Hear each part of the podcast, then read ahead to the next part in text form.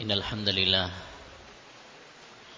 نحمده ونستعينه ونستغفره ونعوذ بالله من شرور أنفسنا وسيئات أعمالنا. من يهده الله فلا مضل له ومن يضلل فلا هادي له. أشهد أن لا إله إلا الله وحده لا شريك له وأشهد أن محمدا عبده ورسوله أما بعد. أيها الإخوة وأيتها الأحوات kaum muslimin wal muslimat yang semoga senantiasa dirahmati oleh Allah Subhanahu wa taala. Kita lanjutkan kajian kita pada kitab Al-Aqidah At-Tahawiyah karya Al-Imam Abu Ja'far At-Tahawi rahimahullahu taala. Dan pada pembahasan kali ini, pertemuan kali ini kita sampai pada pembahasan tentang asratus sa'ah tanda-tanda kiamat. Berkata al-imam Abu Ja'far At-Tahawi rahimahullah wa nu'minu bi asratis sa'ati. Dan kami yaitu ahlu sunnah wal jamaah yang berpegang teguh dengan Al-Quran dan Sunnah beriman meyakini mempercayai bi asratis saah dengan tanda-tanda kiamat. Asrat jam'u syarat yaitu al-alamah, tanda. yakni tanda-tanda yang menunjukkan dekatnya hari kiamat. Allah Subhanahu wa taala berfirman dalam surat Muhammad ayat 18. Fahal yanduruna illa sa'ata an ta'tiyahum baghtatan faqad jaa asyratuha. Apakah mereka menunggu kiamat? Bagaimana jika kiamat datang secara tiba-tiba? Karena qad jaa asyratuha, telah datang tanda-tandanya. Ayat ini memberikan faidah kepada kita dua faidah. Faidah yang pertama bahwa kiamat itu ada tanda-tandanya. Asyrat. Dan yang kedua bahwa sebagian tanda-tanda kiamat telah ada ketika turunnya Al-Qur'an. Jadi pada masa Nabi sallallahu alaihi wasallam telah ada sebagian tanda-tanda kiamat telah terjadi. Faqad jaa asratu, telah datang tanda-tandanya. Seperti terbelahnya bulan misalkan. Itu salah satu tanda ya dekatnya hari kiamat dan itu telah terjadi pada masa Nabi Shallallahu alaihi wasallam. Kemudian beliau mencontohkan beberapa tanda-tanda kiamat dan yang beliau contohkan di sini adalah tanda-tanda besar. Karena tanda-tanda kiamat ayyuhal ikhwah dibagi oleh para ulama menjadi dua. Ada asratus sa'atis sughra dan ada asratus sa'atil kubra. Ada tanda-tanda kiamat yang kecil yang sudah terjadi atau sedang terjadi ya. Dan itu banyak seperti diutusnya Nabi Muhammad wasallam munculnya nabi-nabi palsu,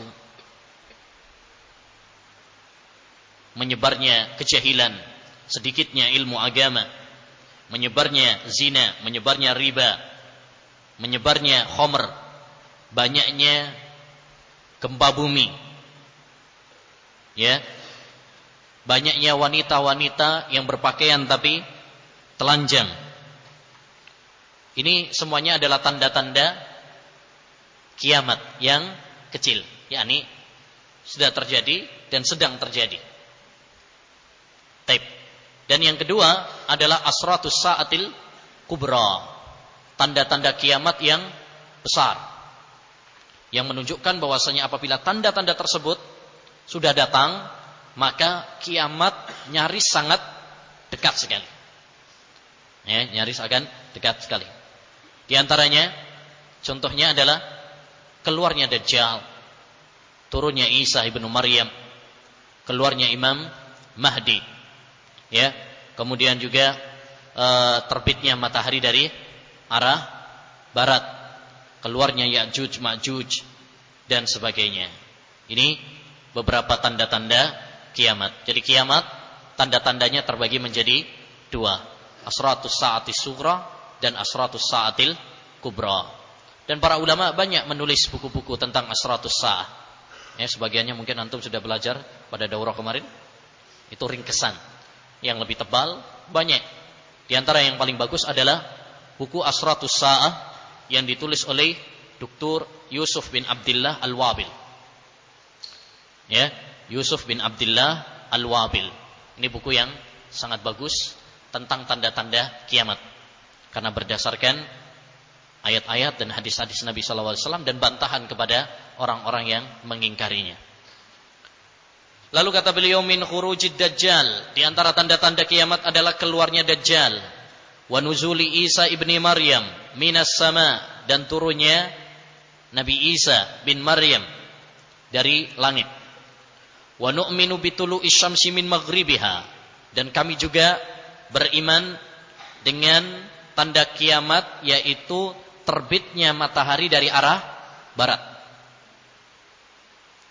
Ya. Wa khuruji dabatil ardi min maudhi'iha dan keluarnya ya dabatul ard min maudhi'iha hewan dari bumi ya yang keluar dari bumi. Taib. Ayo lehwa yang dibahas oleh Imam At-Tahawi di sini adalah beliau ingin membahas kepada kita tentang masalah tanda-tanda kiamat. Dan ini adalah masalah yang sangat penting karena ini termasuk rukun iman. Termasuk rukun iman. Kenapa masuk dalam rukun iman? Karena dua hal. Pertama, karena beriman dengan tanda-tanda kiamat masuk dalam bagian iman kepada hari akhir. Masuk bagian iman kepada hari akhir. Dan beriman kepada hari akhir termasuk kewajiban. Dengan kesepakatan para ulama. Sebagaimana dalam hadis Jibril. Tatkala Rasulullah ditanya tentang iman. Salah satunya adalah. Antuk minabillahi wal yaumil akhir. Uh, antuk minabillahi malaikati wa kutubihi wa rusulihi. Ya. Wal yaumil akhir. Kamu beriman kepada Allah, pada malaikatnya, kitabnya. Dan kepada hari akhir.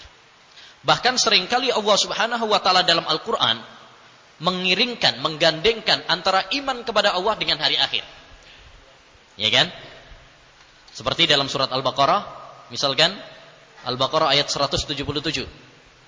Laisal birra an tuwallu wujuhakum qibala al-masyriqi wal maghrib, walakinnal birra man amana billahi wal yaumil akhir. Bukanlah kebaikan itu kamu memalingkan wajahmu ke barat atau ke timur. Tetapi kebaikan itu adalah orang yang beriman kepada Allah dan beriman kepada hari akhir. Ini diiringkan, digandengkan antara iman kepada Allah dan iman kepada hari akhir. Demikian juga dalam surat At-Talaq ayat 2. Dzalikum yu'adzu bihi man kana yu'minu billahi wal yaumil akhir. Demikianlah Orang-orang yang beriman kepada Allah dan hari akhir mendapatkan mau'idah, nasihat. Demikian juga dalam hadis. Ya. Di antaranya hadis Abu Hurairah radhiyallahu an dalam Bukhari Muslim, Rasulullah bersabda, "Man kana yu'minu billahi wal yawmil akhir, falyakul khairan aw liyasmut." Man kana yu'minu billahi wal yawmil akhir, falyukrim jarah. Man kana yu'minu billahi wal yawmil akhir, falyukrim dhaifah. Siapa yang beriman kepada Allah dan hari akhir maka hendaknya mengucapkan yang baik atau diam. Siapa yang beriman kepada Allah dan hari akhir hendaknya dia memuliakan tamunya, memuliakan tetangganya. Perhatikan di situ digandengkan antara iman kepada Allah dan iman kepada hari akhir. La yahillu limra'atin tu'minu billahi wal yaumil akhir an tusafira masirata yaumin wa. Tidak halal bagi seorang wanita yang beriman kepada Allah dan hari akhir untuk melakukan safar ya tanpa mahram. Di situ juga digandengkan antara iman kepada Allah dan iman kepada hari akhir. Kenapa? Karena iman kepada Allah menjadikan kita termotivasi, terdorong untuk beramal kebajikan. Dan iman kepada hari akhir menjadikan kita terdorong untuk meninggalkan kemaksiatan karena kita takut kepada Allah. Iman menumbuhkan rasa cinta kepada Allah dan harapan kepada Allah dan uh, iman kepada hari akhir ya, menimbulkan rasa takut kepada Allah Subhanahu wa taala. Itulah rahasia kenapa Al-Qur'an dan hadis Nabi sallallahu alaihi wasallam sering menggandengkan antara iman kepada Allah dan hari akhir. Dan hari akhir ayyul ihwa banyak namanya. Ini juga termasuk keistimewaan iman kepada hari akhir. Al-Qari'ah. Apalagi? Uh, Al-Haqqah dan sebagainya banyak sekali sampai kata Imam Ibnu Katsir dalam kitabnya An-Nihayah nama tentang hari kiamat itu lebih dari 80 nama. 80 nama menunjukkan tentang dahsyatnya hari kiamat. Cukuplah kedahsyatan hari kiamat apa yang Allah sebutkan dalam surat Al-Hajj di awal-awal ayat. Allah berfirman, "Ya ayyuhan nasu rabbakum inna zalzalatas saati syai'un adzim." Ya, yauma tarawunaha tadhalu kullu murdi'atin amma arda'at wa tadau kullu dhati hamlin hamlaha wa taran nasa sukara wa ma hum bisukara. Wahai sekalian manusia, takutlah kalian kepada Allah Subhanahu wa taala. Sesungguhnya gempa di hari kiamat itu adalah sangat dahsyat sekali. Yauma tarawunaha tadhalu kullu murdi'atin amma arda'at. Kamu lihat pada hari itu wanita murdi'ah. Di situ perhatikan kalimat yauma tarawunaha tadhalu kullu murdi'ah murdiatin, wanita yang menyusui. Wanita yang menyusui. Di situ ada tak marbutohnya. Ini sebagai faidah bahasa balaghah. Di situ ada tak marbutohnya. Padahal andai kan nggak pakai tak marbutoh itu juga bisa. Karena yang menyusui itu hanya kaum wanita. Tapi di situ disebutkan dengan tak marbutoh sebagai tanda bahwa wanita tersebut sedang menyusui, sedang jadi wanita yang sedang menyusui saja lalai dari bayi yang sedang dia susui. Demikian juga ya wanita yang sedang mengandung menggugurkan kandungannya. Ya, saking dahsyatnya hari kiamat.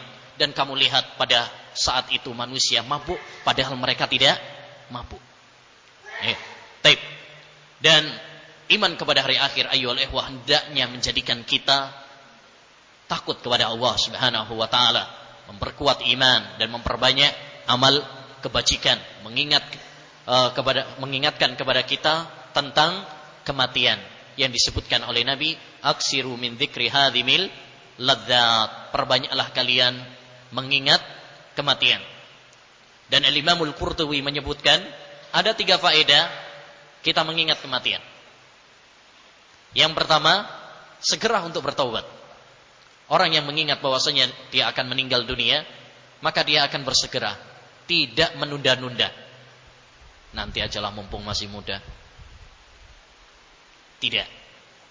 Iya kawat taswif, fa innahu jundun min junudi iblis, kata sebagian ulama ussalaf. Hati-hati kamu dari nunda-nunda amal kebajikan. Karena itu adalah salah satu pasukan iblis.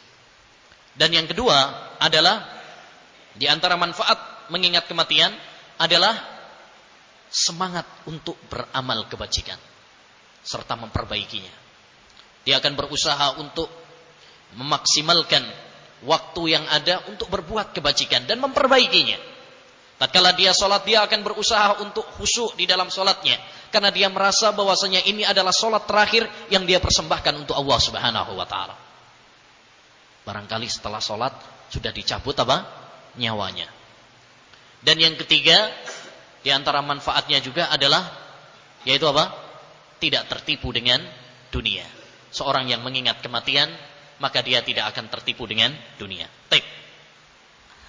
Dan yang kedua, ayyuhal kembali lagi, kenapa pembahasan tentang rukun uh, tentang tanda kiamat ini masuk dalam bagian rukun iman? Karena dia termasuk masalah-masalah goib.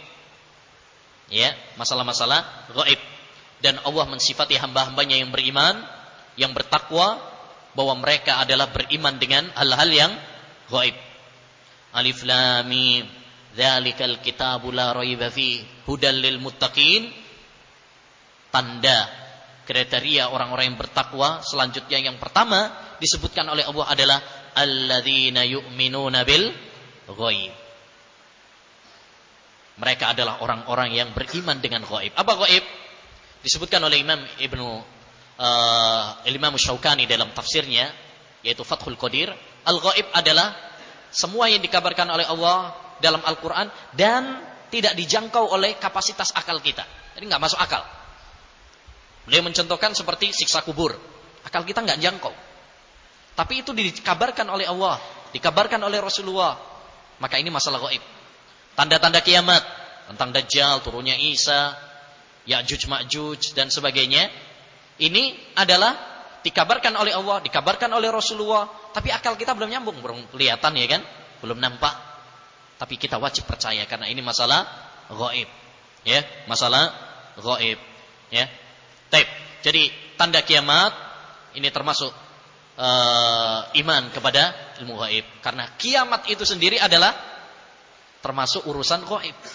Makanya tidak ada yang tahu tentang kapan kiamat tiba. Siapa yang mengaku bahwasanya dia mengetahui kapan kiamat tiba, pastikan dia adalah dajjal, pendusta. Orang Nabi Muhammad SAW saja ketika ditanya oleh Jibril tentang kapan kiamat, Rasulullah menjawab apa? Mal mas'ulu anha bi'a'lama minas sa'il.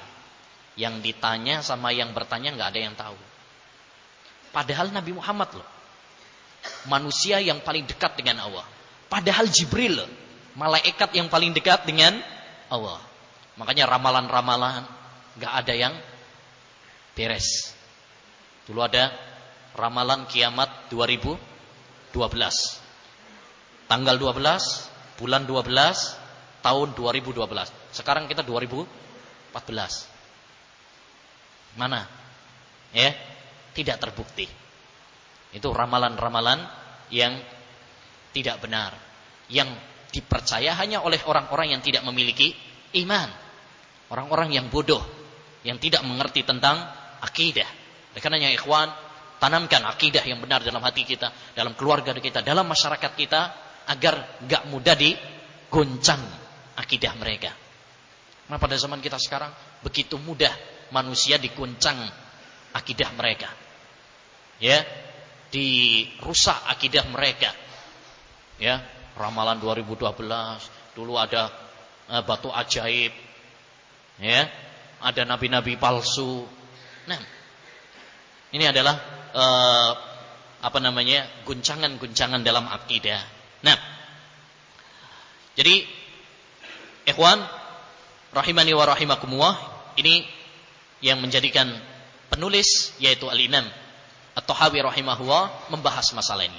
Lebih-lebih kenapa beliau juga membahas karena ini tadi masalah iman kepada masuk dalam bagian iman kepada hari haid dan yang kedua juga beliau di sini menyampaikan atau membahas masalah asratus saat di sini untuk membantah sebagian kalangan yang mengingkari tanda-tanda kiamat. Baik orang-orang Jahmiyah atau Mu'tazilah, mereka mengingkari. Banyak di antara mereka yang mengingkari tentang Dajjal, tentang turunnya Isa bin Maryam nggak percaya. Orang-orang yang mengandalkan akal-akal mereka, yang mengandalkan otak-otak mereka dengan virus filsafat dan ilmu kalam sehingga mereka tidak percaya dan menolak ayat-ayat dan hadis Nabi wasallam. Jauh-jauh hari Nabi Muhammad wasallam pernah mengabarkan akan ada sebagian yang apa? Ya, sebagian yang tidak mempercayai hal ini, mendustakan masalah ini. Di antaranya adalah sabda Nabi sallallahu alaihi wasallam dalam hadis yang dihasankan oleh Syekhul Albani dalam kitabnya Kissatul Masih Dajjal wa Nuzuli Isa. Rasulullah SAW bersabda, Ala wa innahu sayakunu min ba'dikum. Qawmun yukadzibuna birrajm wad dajjal wa bisyafa'ah wa bi'adabil qabr akan ada suatu kaum setelah kalian yang nanti akan mendustakan tentang hukum rajam. Dan sekarang ada seperti orang-orang liberal yang mengatakan rajam itu tidak sesuai, tidak relevan pada zaman kita sekarang. Ya, seperti yang diungkapkan oleh Ulil Absar Abdallah dulu. Wad Dajjal, demikian juga tentang Dajjal. Ya, tentang Dajjal. Yani nggak percaya dengan adanya Dajjal yang akan keluar menjelang hari kiamat. Wabi syafaah dan dengan syafaat. Wabi adabil kubur. Gak percaya dengan siksa kubur. Dan sekarang pun faktanya ada. Ya, termasuk ya e, sebuah buku yang ditulis oleh Agus Mustafa berjudul Tak ada adab kubur. Tak ada adab kubur. Tak ada siksa kubur. Tak ada siksa kubur. Demikian juga buku yang ditulis oleh seorang uh, Hizbut Tahrir ya berjudul Absahkah berdalil dengan uh, hadis ahad dalam masalah siksa kubur dan masalah akidah. Ya. Yang ditulis oleh Syamsuddin Ramadhani. Yang diberi kata pengantar Abdurrahman Al-Baghdadi seorang tokoh Hizbut Tahrir. Dan Hizbut Tahrir termasuk Mu'tazilah modern sebagaimana dikatakan oleh Syekhul Albani rahimahullah. Mu'tazilatul Asr. Sehingga banyak di antara mereka yang menolak. Ya. Di antara akidah mereka adalah menolak apa? Hadis-hadis tentang adab kubur hadis-hadis tentang turunnya Isa bin Maryam hadis tentang Ya'juj Ma'juj Mahdi dan sebagainya, mereka ingkari. Dengan alasan bahwa hadis-hadisnya hanyalah ahad. Padahal para ulama ahlul hadis mengatakan hadis-hadisnya adalah mutawatir. Ya. Ini kenapa ikhwan?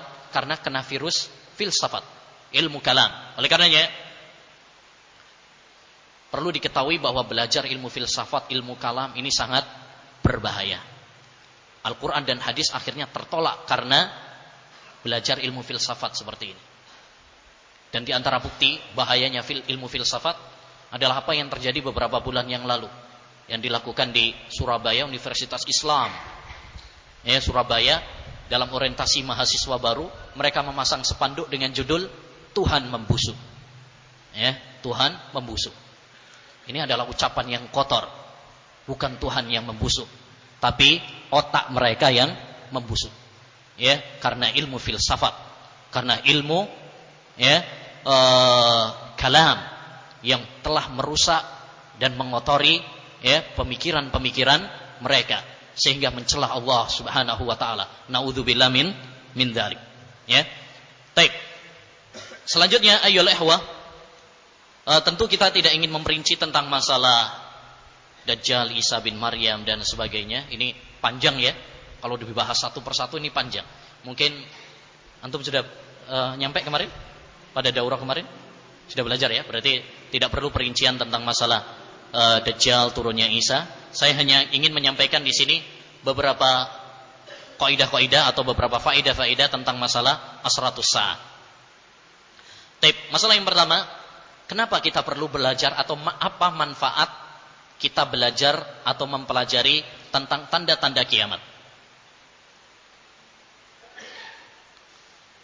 Ya. Apa manfaatnya kita belajar tentang tanda-tanda kiamat?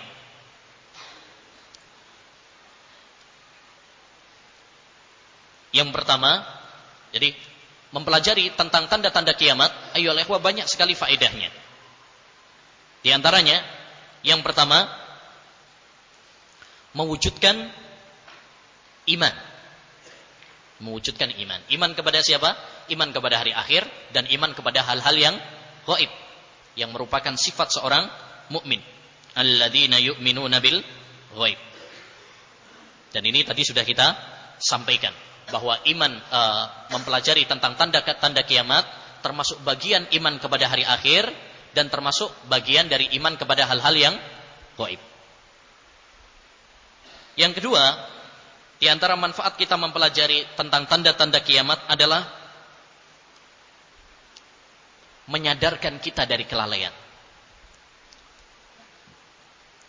dan menghasung kita untuk bertobat dan beramal soleh. Nah, pada zaman kita sekarang banyak orang lalai dengan gemerlapnya dunia, dengan canggihnya alat-alat komunikasi, ya, teknologi modern dan sebagainya, sehingga banyak di antara mereka yang lalai dengan akhirat. Nah, dengan mempelajari tanda-tanda kiamat, maka hal itu diharapkan dapat mengingatkan kita bahwa kiamat telah dekat sehingga kita harus ya e, menyiapkannya dengan amal kebajikan dan segera bertobat kepada Allah Subhanahu wa taala. Ada sebuah hadis yang menarik yang diriwayatkan oleh Imam Ahmad dan dihasankan oleh Syekhul Albani bahwa Rasulullah sallallahu alaihi wasallam pernah bersabda, "La yahrujud dajjal hatta yadhalan nasu an dzikrihi wa hatta yatrukal a'immatu dzikrahu alal manabir." Tidak akan keluar dajjal sampai manusia lalai dari mengingatnya. Orang udah nggak ada yang uh, membicarakan tentang dajjal dan sampai para imam-imam tidak menyebutnya di atas mimbar. Ya, seperti sekarang pada zaman sekarang, jarang orang yang membahas tentang tanda-tanda kiamat, mengingatkan manusia tentang tanda-tanda kiamat. Ini jarang sekali. Nah, yang ketiga. Yang ketiga, di antara manfaat kita mempelajari tentang tanda-tanda kiamat adalah menambah ilmu tentang hukum-hukum syar'i dan masalah-masalah fikih. Jadi mempelajari tentang tanda-tanda kiamat bukan hanya sekedar teori dan dongeng semata, tapi di sana tersimpan ilmu-ilmu, tersimpan pelajaran-pelajaran berharga yang perlu dikaji, yang perlu dipelajari. Dahulu Abu Abdurrahman Al-Muhari ketika membawakan sebuah hadis tentang tanda-tanda kiamat, dia mengatakan, "Yambaghi an yudfa al-hadisu ilal muaddib hatta yu'allimuhu as-sibyana fil kutab. Hendaknya hadis ini diberikan kepada para guru-guru, para ustadz ya, untuk diajarkan kepada anak-anak didik mereka di sekolahan-sekolahan. Ini perlu ditanamkan karena banyak apa? ilmu-ilmu yang terkandung di dalamnya. Di antara misalkan contohnya ketika Rasulullah SAW menyebutkan tentang kisah Dajjal, Rasulullah mengatakan bahwasanya Dajjal itu hidup di dunia cuman berapa? 40 ya, 40 hari. Cuman satu harinya seperti satu tahun kan gitu. Tape. Kemudian hari kedua seperti satu bulan, satu minggu dan seterusnya. Tape. Ketika Rasulullah SAW menyampaikan satu harinya seperti satu tahun, apa yang ditanyakan para sahabat? Wahai Rasulullah, satu hari yang seperti satu tahun tersebut apa cukup bagi kita sholat lima waktu dalam sehari? Ya, satu harinya seperti satu tahun. Cukup nggak lima, e, lima kali sholat lima waktunya dalam sehari itu? Kata Nabi apa? La fakduru kodrohu. Apa? E, apa? Ukurlah. Ya, kira-kira saja. Enggak. Jadi jangan dalam setahun tadi, misalkan satu hari yang seperti setahun berarti apa? Kalian cuma lima kali tok dalam uh, satu hari yang seperti satu tahun itu? Enggak. Tapi apa? Perkirakan seperti hari-hari yang lain. Perkirakan seperti hari-hari yang yang lain. Di sini ayol ikhwah yang menarik diambil dalil oleh para ulama pada zaman kita sekarang tentang kasus di sebagian negara ya seperti daerah-daerah negara-negara kutub yang di sana terkadang itu apa? E, malam terus. Atau kadang juga apa? Siang terus. Kalau puasa gimana coba? Kalau misalkan malam terus atau siang terus enggak? Terus kapan bukanya? Matilah. Padahal itu lebih dari 12 jam. Dalam satu hari itu lebih dari 24 jam. Itu kadang lebih. Nah, kata para ulama, kalau dalam kondisi seperti itu yang itu tidak terbit eh, matahari dan tidak terbenam matahari, maka perkirakan dengan mengikuti negara yang terdekat. Ini faedah. Ini faedah tentang kasus eh, kontemporer pada zaman sekarang. Diambil dari mana? Diambil dari kisah tentang Dajjal. Taib. Di antara faedah yang lain, manfaat mempelajari tentang tanda-tanda kiamat adalah agar kita cerdas dalam menyikapi tanda-tanda kiamat. Sehingga nggak tertipu, sehingga tidak ditipu oleh sebagian kalangan. Ini penting ya kawan, karena banyak orang menyalahgunakan tentang masalah tanda-tanda kiamat. Salah dalam menerapkan. Betul, misalkan contoh Dajjal itu ada dan tanda kiamat. Tapi kadang-kadang orang salah menerapkan. Ada sebuah buku, misalkan Saibaba Dajjal dari Khurasan. Tahu Saibaba ya? Saibaba itu adalah seorang India. Ya, seorang dari India. Kalau cuma mengatakan dia adalah Dajjal dalam artian pendusta, benar. Tapi penulis buku itu mengartikan Dajjal di situ yang dimaksud adalah Dajjal Al-Akbar, Dajjal yang disampaikan oleh Nabi di akhir zaman. Ya ini yang salah. Ya, karena pada Sa'id Baba tidak ada tanda-tanda yang disebutkan oleh Nabi. Misalkan ada Kak Fa'ro, ya kan? Kemudian tanda-tanda e, lain yang disebutkan oleh Nabi Muhammad Shallallahu Alaihi Wasallam. Demikian juga misalkan tentang Imam Mahdi. Banyak klaim yang mengatakan si fulan adalah Imam Mahdi. Padahal apa? Gak benar. Seperti dulu kasus Juhaiman yang membunuh para jamaah haji ya, mengobrak-abrik Ka'bah. Kemudian dia mengaku bahwa dia adalah Mahdi yang ditunggu-tunggu. Sehingga memerintahkan kepada semuanya untuk membaiat dirinya. Tentu ini bukan Imam Mahdi. Imam Mahdi bukan perusak. Ya kan? Imam Mahdi adalah ya membawa kedamaian, membawa keadilan. Nah, e, seperti ini ayol ehwa perlu bagi kita untuk mempelajari supaya kita apa? Enggak salah dalam bersikap. Eh, nggak salah dalam bersikap. Taib. Berapa itu? Empat. Taib. Yang kelima, di antara tanda uh, faidahnya adalah mewujudkan fitrah keinginan manusia untuk mengetahui hal-hal yang akan datang. Suatu hal yang fitrah kalau orang itu pengennya apa? Tahu. Entah tahu aja atau tahu banget. Yang penting pokoknya dia pengen tahu yang akan datang. Makanya banyak yang apa? Percaya dengan ramalan-ramalan. Iya enggak? Nah, ramalan nanti saya gimana? Jodoh saya siapa? Nanti saya sukses atau bagaimana tentang masa depannya. Banyak kan yang percaya dengan seperti itu? Karena memang manusia itu fitrahnya pengen tahu tentang apa yang akan terjadi masa depan. Ada juga perakiraan cuaca ya. Karena orang itu ingin antisipasi kan gitu. Walaupun perkiraan cuaca bukan suatu hal yang tercela, tapi itu kan tanda-tanda atau apa namanya perkiraan. Ya, menunjukkan bahwa maksudnya manusia itu pengen tahu apa yang akan terjadi di masa datang. Nah, untuk memenuhi fitrah keinginan manusia tersebut, salah satunya Allah demikian juga Rasulullah SAW ya menyampaikan hal ini kepada kita. Taib. Kemudian beberapa kaidah dalam masalah ini. Kalau tadi faidah ya, faidah mempelajari. Tapi beberapa kaidah dalam masalah uh, tanda-tanda kiamat. Yang pertama, al-iktisar ala nususil kurtab kitab was sunnah fil istidlal. Mencukupkan diri dengan dalil-dalil Al-Quran dan sunnah. Karena sekali lagi, masalah tanda-tanda kiamat adalah masalah goib. Tidak boleh kita berbicara tanpa dalil.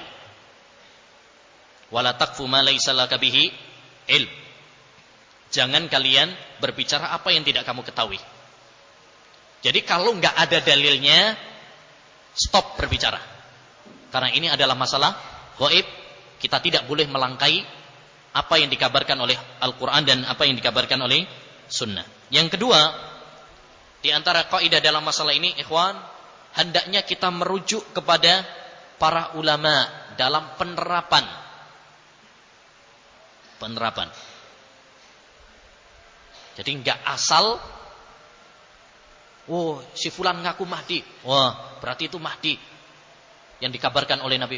Si fulan adalah dajjal, berarti ah, ini benar ini karena Rasulullah mengatakannya. Enggak, perlu kita bertanya kepada para ulama, benar enggak? Ya, benar enggak bahwa tanda-tanda kiamat ini seperti yang disabdakan oleh uh, Nabi Shallallahu Alaihi Wasallam. Allah berfirman, "Fas'alu ahla dzikri in kuntum la ta'lamun." Bertanyalah kepada para ulama jika kalian tidak mengetahuinya.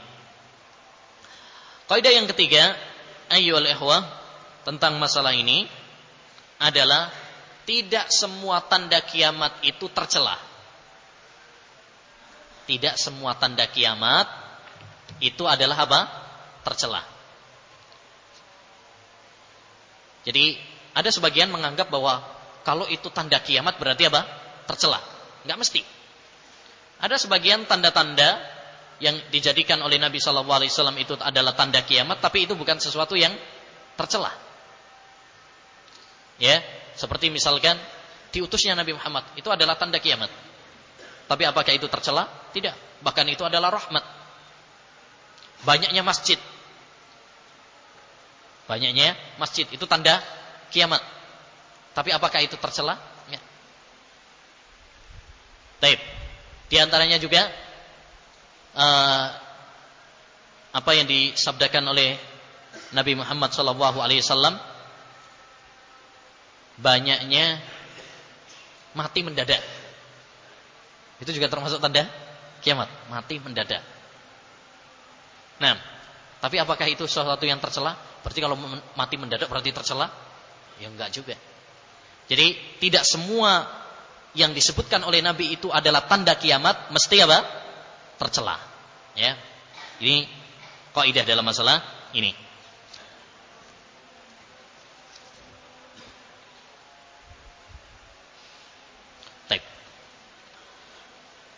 Demikian beberapa pembahasan tentang masalah tanda-tanda kiamat. Adapun perincian tentang masalah Dajjal, tentang turunnya Isa bin Maryam dan sebagainya mungkin uh, bisa dibaca dan dipelajari di apa namanya di buku-buku yang lain dan sebagainya sudah antum pelajari dalam daurah Ramadan kemarin ya. Taib wasallallahu wasallam ala nabiyina Muhammad wa ala alihi wa sahbihi ajmain. Assalamualaikum warahmatullahi wabarakatuh.